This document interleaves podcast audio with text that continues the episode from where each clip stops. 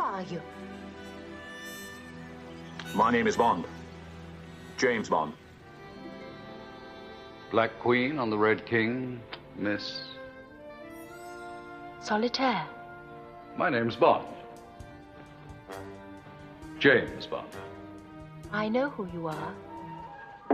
Entree. Good evening. My name is Bond. James Bond.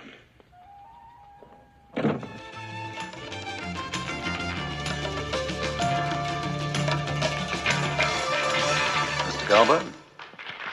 My name is Bond. James Bond. What of it? Good afternoon.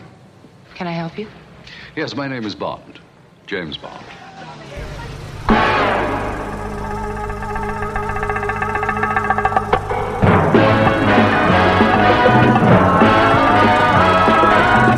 When it comes to entertainment, you can't beat a good film.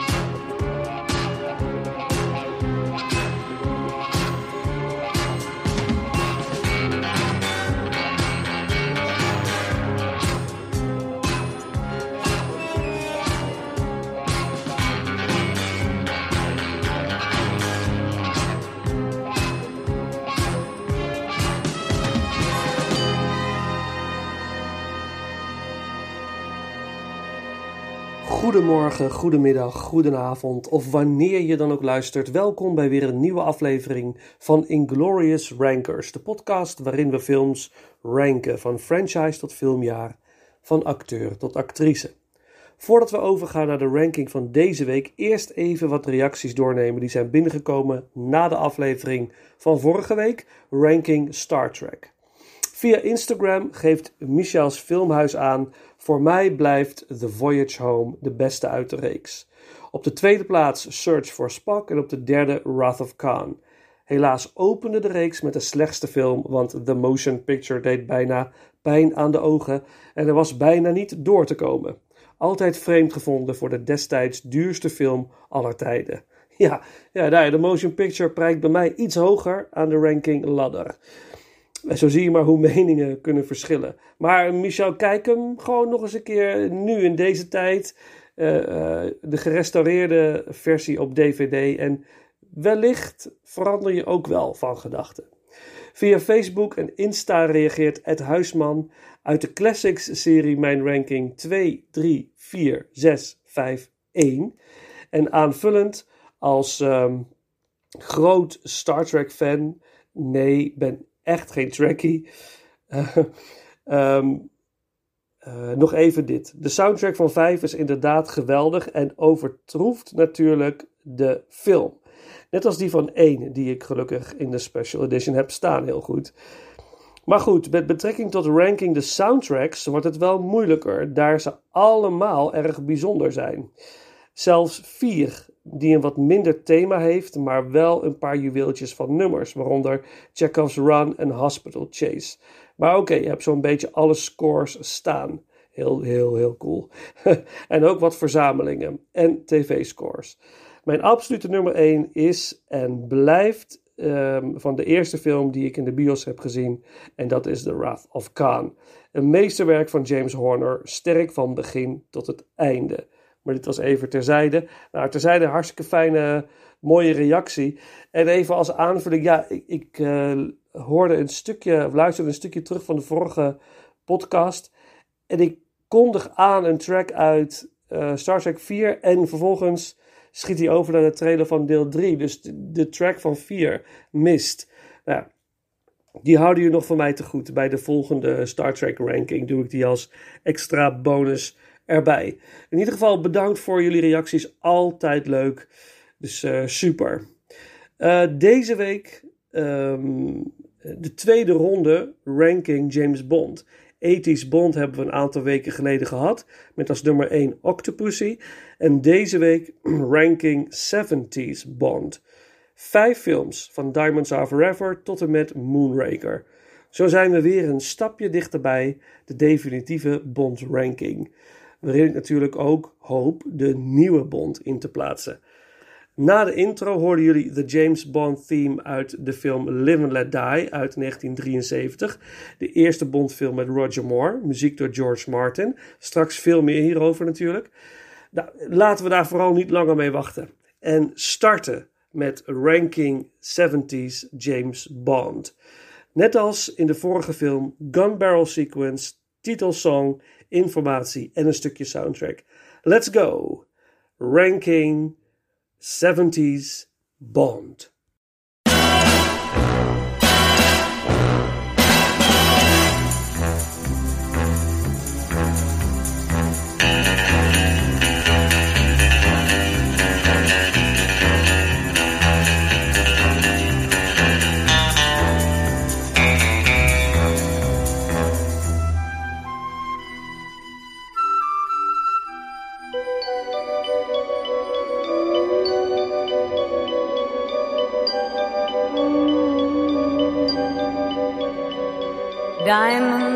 Forever.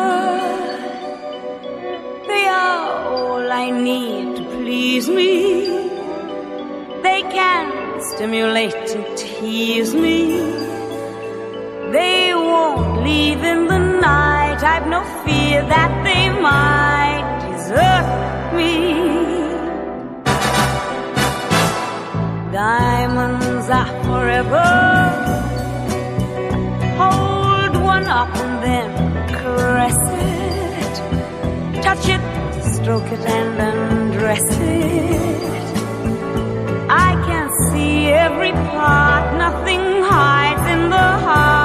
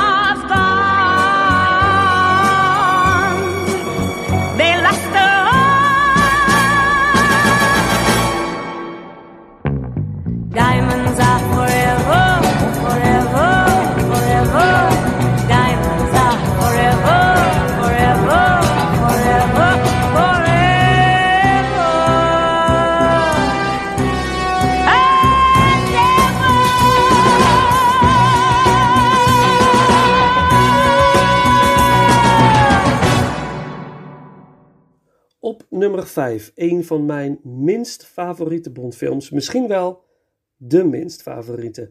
Nog steeds leuk om naar te kijken en ik kan echt wel genieten van de sfeer. Maar vergeleken met de andere films echt een zware teleurstelling. Ik heb de film meerdere kansen gegeven, vaak geprobeerd, maar hij komt toch steeds op hetzelfde uit. Maar waarom dan? Diamonds Are Forever is uitgebracht in 1971, de eerste 70s Bond film. Sean Connery speelt voor de laatste keer officieel Bond. Voor zijn laatste keer Bond, maar onofficieel verwijs ik je graag door naar de vorige aflevering Ranking 80s James Bond. Eigenlijk was hij al gestopt met het spelen van Bond na You Only Live Twice. George Lazenby nam het van hem over in 1969 met het voortreffelijke On Her Majesty's Secret Service. En toch was het publiek niet klaar voor een Bond als Lazenby, maar daar in een volgende Bond-ranking veel meer over.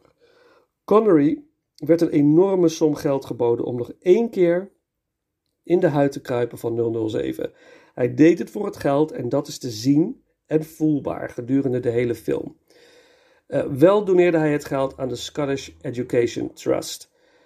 Connery gaat op automatische piloot, lijkt verveeld en doet zijn trucje. En door zijn enorme charisma weet Connery zich te redden, maar het redt de film niet. Met behulp van Goldfinger-regisseur Guy Hamilton wilden de producenten terugkeren naar de fantasy-actiestijl van Goldfinger. En je ziet ook wel terug aan Diamonds Are Forever dat deze poging is gedaan. Echter mist de film de charme, de snelheid en de gave actiescènes die Goldfinger wel te bieden heeft. Mede door het hoge salaris voor Connery was er minder geld voor bijvoorbeeld de special effects. En dat is ook te zien.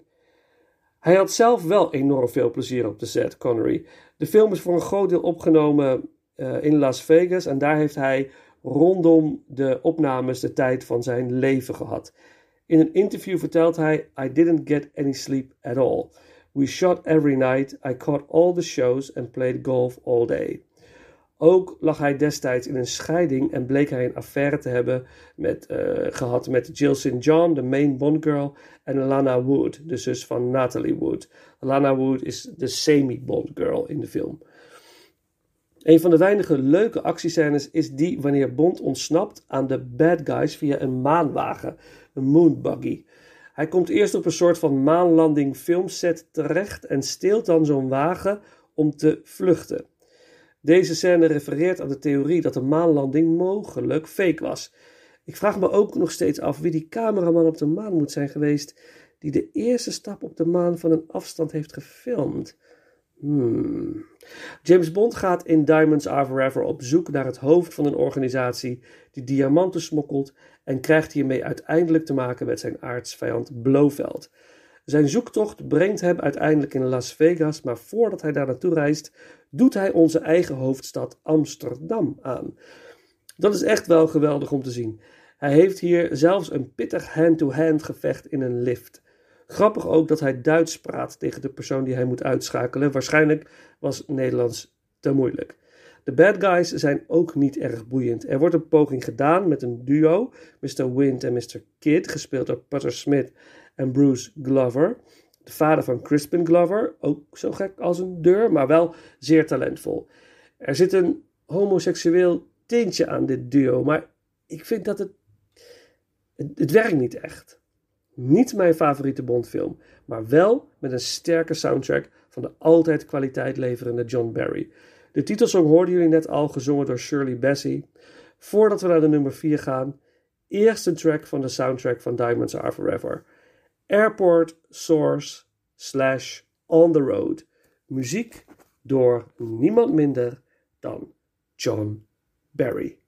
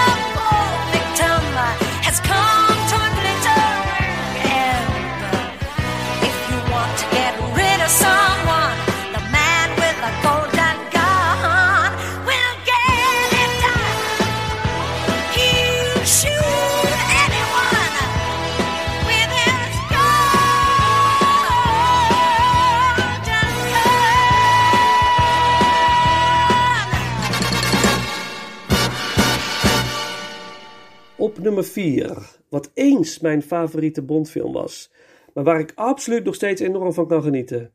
Heerlijke film en vele malen beter dan Diamonds Are Forever. The Man with the Golden Gun. Uitgebracht in 1974 met natuurlijk Roger Moore als Bond. Onder regie van Guy Hamilton, die hier, zoals ik het net al benoemde, een betere film aflevert dan Diamonds Are Forever. Vind ik hem beter dan Goldfinger van Guy Hamilton? Dat denk ik niet, maar dat zal moeten blijken in de uiteindelijke totale Bond-ranking. In deze film is 007 het doelwit van een huurmoordenaar Scaramanga, de man met het gouden pistool. Het wordt een nog dringender doelwit wanneer hij op zoek gaat naar een zonneceltechniek waarmee totale vernietiging kan worden bewerkstelligd. Deze techniek is onder beheer van Scaramanga op een ver tropisch eiland. Wanneer Bond en Scaramanga elkaar treffen, zorgt dit natuurlijk voor een spectaculaire climax. We hebben Roger Moore als Bond en niemand minder dan Christopher Lee, Mr. Dracula himself als Scaramanga. Ook zien we Maud Adams als Bondgirl. Later is dat nog eens in Octopussy. En Hervé Villagez als Knick-Knack, de sidekick van Scaramanga, een Aziatische dwerg. Op 50-jarige leeftijd overleden in 1993, een iconische figuur. Hij leidde ook een wild privéleven en werd na deze film vooral bekend als een van de karakters uit de tv-serie Fantasy Island. In The Man with the Golden Gun zitten ook weer onvergetelijke stunts, waaronder de sprong met een auto over een kapotte brug, een schroefsprong, de Astro Spiral Jump. Voor de opnames al vaker gedaan door autocoureur Jay Milligan. Hij deed hem niet voor deze film, maar was wel als coördinator bij de stunt aanwezig. In één take gedaan. Producent Albert R. Broccoli nam er patent op, want hij wilde dat deze stunt in geen enkele andere film te zien zou zijn. Super gaaf. Hier geen CGI of animatie, gewoon the real thing. The Man with a Golden Gun is een van de Bondfilms die het minste heeft opgebracht. Iets dat je niet zo snel zou verwachten met een cast als deze. En na het succes van voorganger Live and Let Die. Golden Gun bracht met een budget van 13 miljoen dollar wereldwijd 98 miljoen op. Terwijl voorganger Live and Let Die met een budget van 7 miljoen ruim 161 miljoen opbracht. Er was destijds zelfs sprake van het einde van de franchise. Gelukkig is dat niet doorgevoerd en kwam Bond genadeloos sterk terug, alleen duurde dat wel ruim drie jaar. Straks meer hierover. Ook uh, Sheriff Pepper is terug. Hij was zo goed bevallen bij het publiek in Live and Let Die dat de producenten hem terughalen. De productie had wel de nodige problemen en dan voornamelijk met de producenten Broccoli en Harry Saltzman. Tot deze film werkten ze samen aan alle vorige 007 producties. Saltzman moest zijn aandeel binnen de franchise verkopen aan United Artists om aan andere financiële problemen te kunnen voldoen en die te kunnen oplossen. Dit is de laatste film die ze uh, samen produceerden. John Barry verzorgde de soundtrack en zangeres Lulu de titelsong, die we zojuist hebben kunnen horen. Deze track wordt beschouwd als een van de zwaksten uit de franchise. Ik was er vroeger dol op en eigenlijk nog wel een beetje. Ik vind vooral de backing track door John Barry fantastisch, met die blazers en geweldig. Het lied heeft wel echt weinig om handen en verschrikkelijke lyrics, maar is daarom ook wel weer erg leuk. Barry componeerde de muziek in twee weken en heeft ooit aangegeven dat hij dit als een van zijn minste scores beschouwt. Ik vind het allemaal wel meevallen en draai met plezier de soundtrack zo nu en dan. Voordat we naar de nummer 3 gaan, eerst maar eens een track van de soundtrack van The Man with the Golden Gun. De track In Search of Scaramanga's Funhouse. Muziek door John Barry.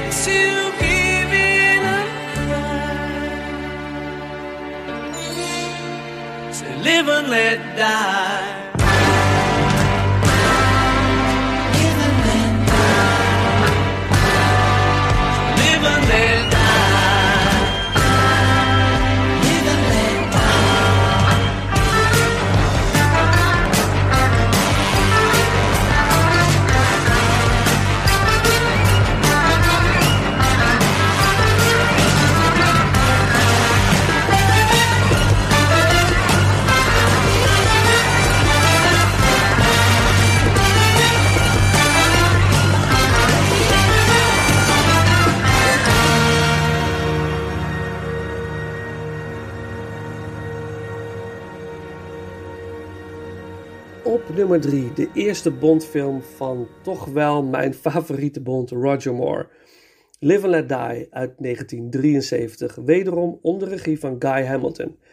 Wanneer enkele van zijn collega's op mysterieuze wijze om het leven komen, moet Bond op onderzoek uit en natuurlijk zien te voorkomen dat hij de volgende is. Hij reist hiervoor naar New Orleans en komt hier op het spoor van Mr. Big.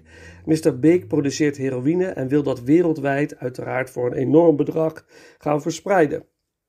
Hij krijgt hierbij hulp van Tihi, de man met een stalen klauw als hand, eh, een voodoo-priester Samedi en de mysterieuze dame en eh, bondgirl Solitaire, ook een tarotlezeres. Het wordt een spannend en af en toe grimmig avontuur. Roger Moore staat bekend om de wat luchtige Bond, wat meer gericht op humor en over de top situaties. Toch is deze eerste film met hem in de rol van 007 hier weinig van te merken. Het is een vrij serieuze en soms duistere film, heel anders dan de Moore-films die volgden, gebaseerd op het tweede 007-boek van schrijver Ian Fleming, uitgebracht in 1954. Het is ook een film die je in het eh, tijdsbeeld moet plaatsen. In deze tijd van Black Lives Matter zou de film een stuk minder goed ontvangen zijn. Er zijn veel Afro-American acteurs te zien, waaronder een fijne rol van Yapet Koto als Mr. Big, die ook nog eens, eh, die Afro-American acteurs zijn ook nog eens voor een groot deel bad guys. Een soort van, het is een soort van blaxploitation Bond movie. Toch was het toen ook al een issue. Hoofdrolspeler Jeffet Koto mocht geen interviews geven en niet aanwezig zijn bij de première omdat de producenten bang waren voor extreme reacties op het feit dat de main bad guy een black guy was. Roger Moore stond al langer op de lijst van producenten, uh, Alberta Broccoli en Harry Saltzman. Hij was al een redelijk bekend acteur, bekend van de tv-serie Ivanhoe en The Saint, maar door andere verplichtingen kon hij steeds de rol van 007 niet op zich nemen. Nu Sean Connery definitief afscheid had genomen van Bond na Diamonds Are Forever en na het mislukken van de George Lazenby als Bond, was um, het Roger Moore die nu eindelijk het stokje kon overnemen. Al was hij al 45, zijn sterrendom steeg tot grote hoogte door deze film en de legendarische Roger Moore Bond films die volgden. Hij maakte er een heel eigen Bond van, totaal anders dan Connery, een frisse wind en dat pakte erg goed uit, want Live and Let Die werd een enorm succes. Moore hield ook een dagboek bij, ook uitgegeven en een reissue is verschenen in 2018, de 007 Diaries. Echt heel leuk om te lezen. Vooral ook door de leuke schrijfstijl van Moore met veel typische humor. Live and Let Die uh, heeft een aantal memorabele Bond-scènes. Uh, de speedboot-achtervolging, Bonds confrontatie met krokodillen en de bad guy blow-up scene aan het einde. Ook de titelsong, gezongen door Paul McCartney en Wings, werd een grote hit. Er was nog even een uh, issue of McCartney het lied zelf wel zou gaan inzingen. Saltzman en Broccoli wilden het laten inzingen door een donkere actrice. Maar McCartney stond erop het zelf te doen. En gelukkig maar, want het lied is natuurlijk legendarisch. Eh, zelfs nog gecoverd door Guns N' Roses op hun Use Your Illusion album. De muziek is gemaakt door, niemand, door iemand die, die ook gelinkt is aan de Beatles, net als McCartney. En dat is George Martin, manager en producer van de Beatles. Hij heeft zeker niet het majestueuze van John Barry, maar de score past wel erg goed bij de stijl. en doet veel voor de specifieke sfeer van de film. We gaan luisteren naar een track van de soundtrack van Live and Let Die, Filet of Soul. Muziek door George Martin. En dan op naar de nummer 2.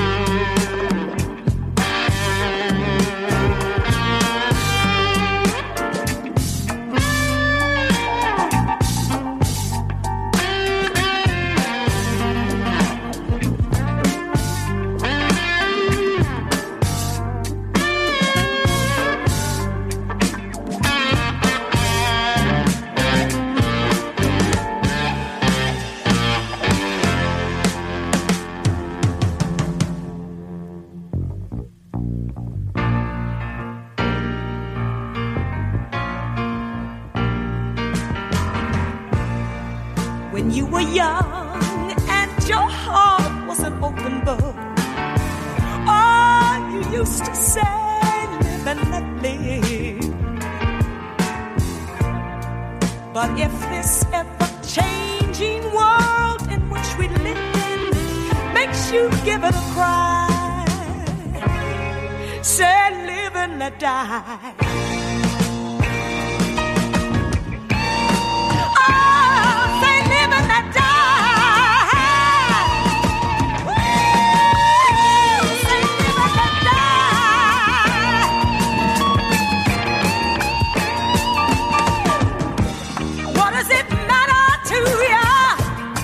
You got a job to do? You got to do it well. You gotta give the other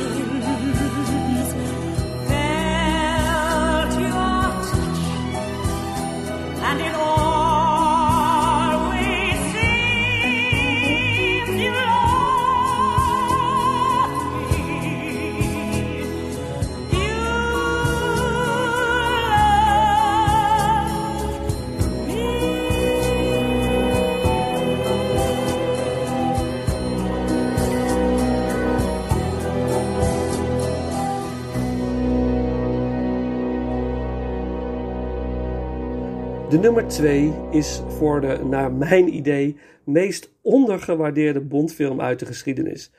Tot de komst van Die Another Day werd dit echt als de meest belachelijke Bondfilm gezien. Ik heb het hier over Moonraker uit 1979, Bond in Space. Na het succes van Star Wars kwam het idee om Bond naar het heelal te brengen. Way over the top natuurlijk, maar ach, hey, waarom niet? Bond vecht niet tegen aliens of zo. Hè? Moonraker is een van mijn persoonlijke favorieten. Heb hem heel vaak gezien en kan hem zo weer opzetten en er weer heerlijk van genieten. Natuurlijk is het allemaal super onrealistisch, maar wat is het leuk om naar te kijken.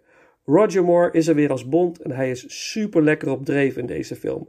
De film zit ook boordevol actiescènes, prachtige locaties, een heerlijke bad guy, mooie vrouwen en een heerlijke John Barry score. Bond reist in Moonraker naar Californië, een soort van, soort van naar Frankrijk. Als je de film hebt gezien, weet je waar ik op doel. Hij reist naar Brazilië, Italië en natuurlijk naar outer space.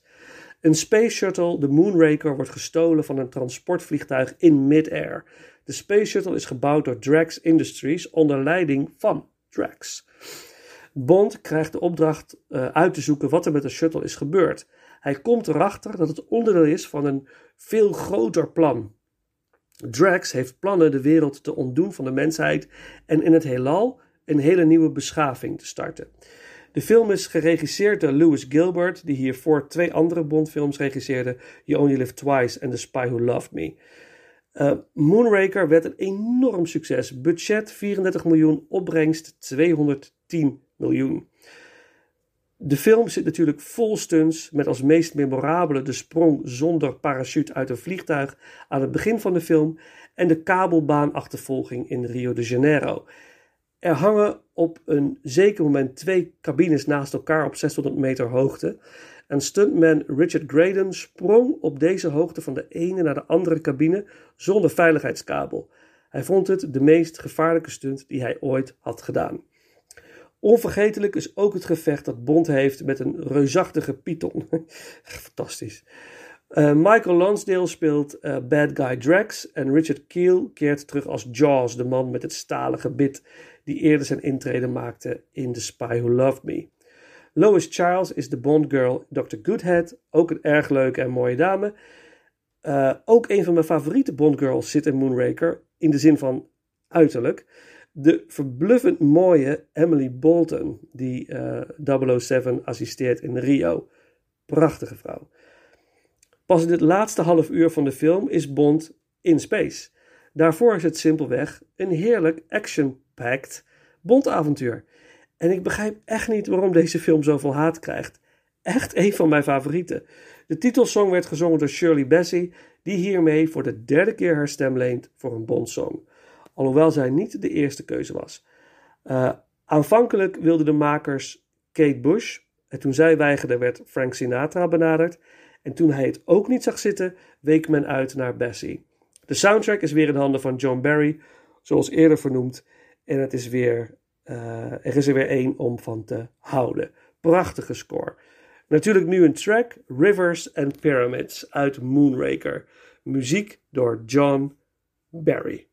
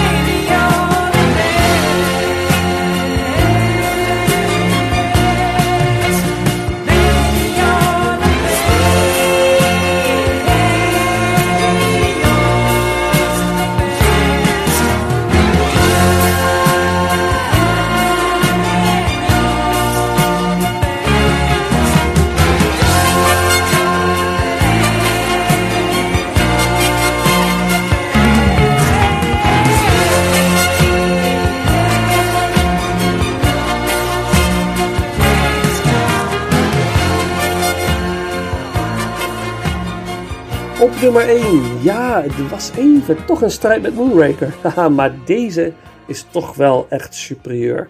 Een van de biggest Bond-films. Zo luidt de tekst op de originele filmposter. En dat is het ook wel. Geweldige Bond-film.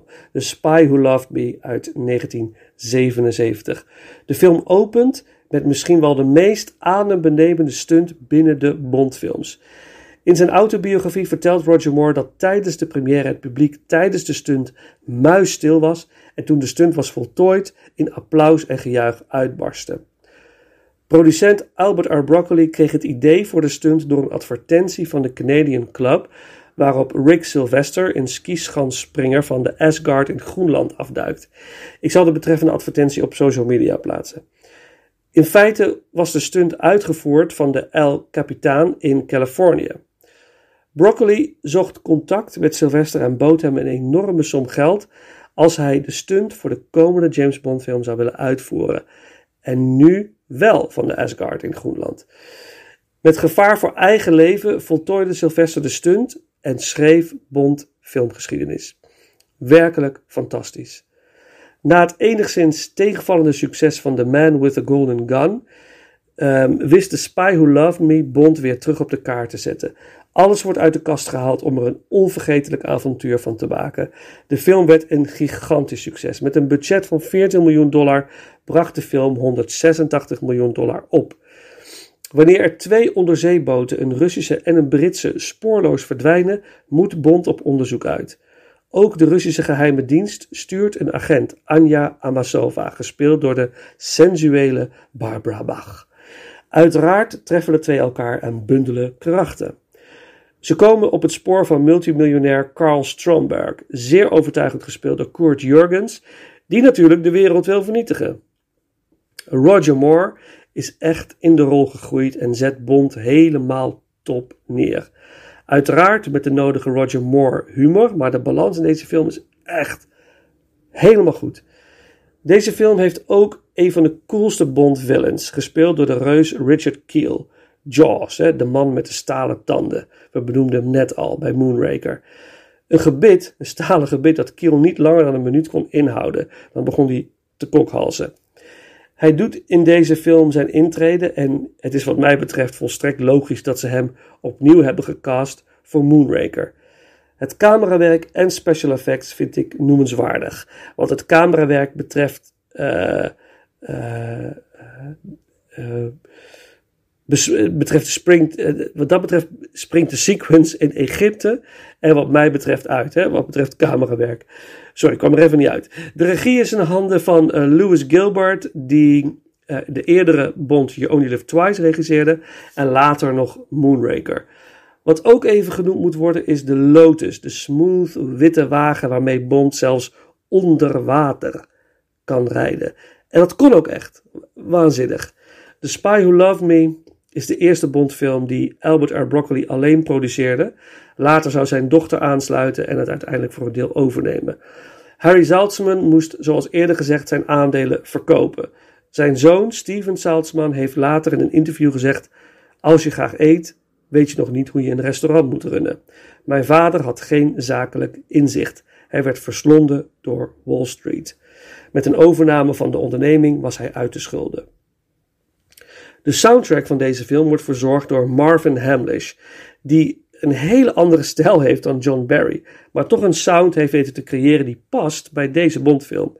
Veel meer modern 70s. Laten we gaan luisteren naar een track uit The Spy Who Loved Me. Underwater Lotus, muziek door Marvin Hamlish.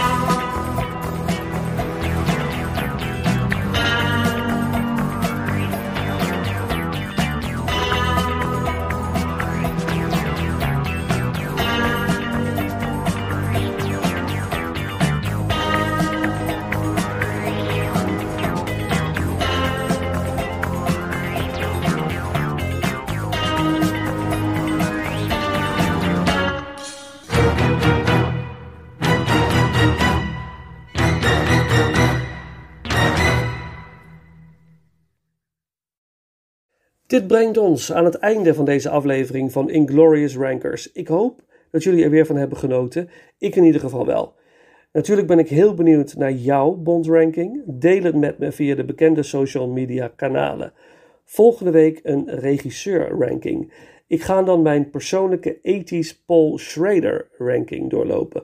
Paul Schrader is niet direct een bekende naam bij velen, maar hij heeft toch aardig wat interessants op het repertoire. Ik start met zijn 80s films, waaronder American Gigolo met Richard Gere en Cat People met Natasha Kinski. Maar dat is volgende week.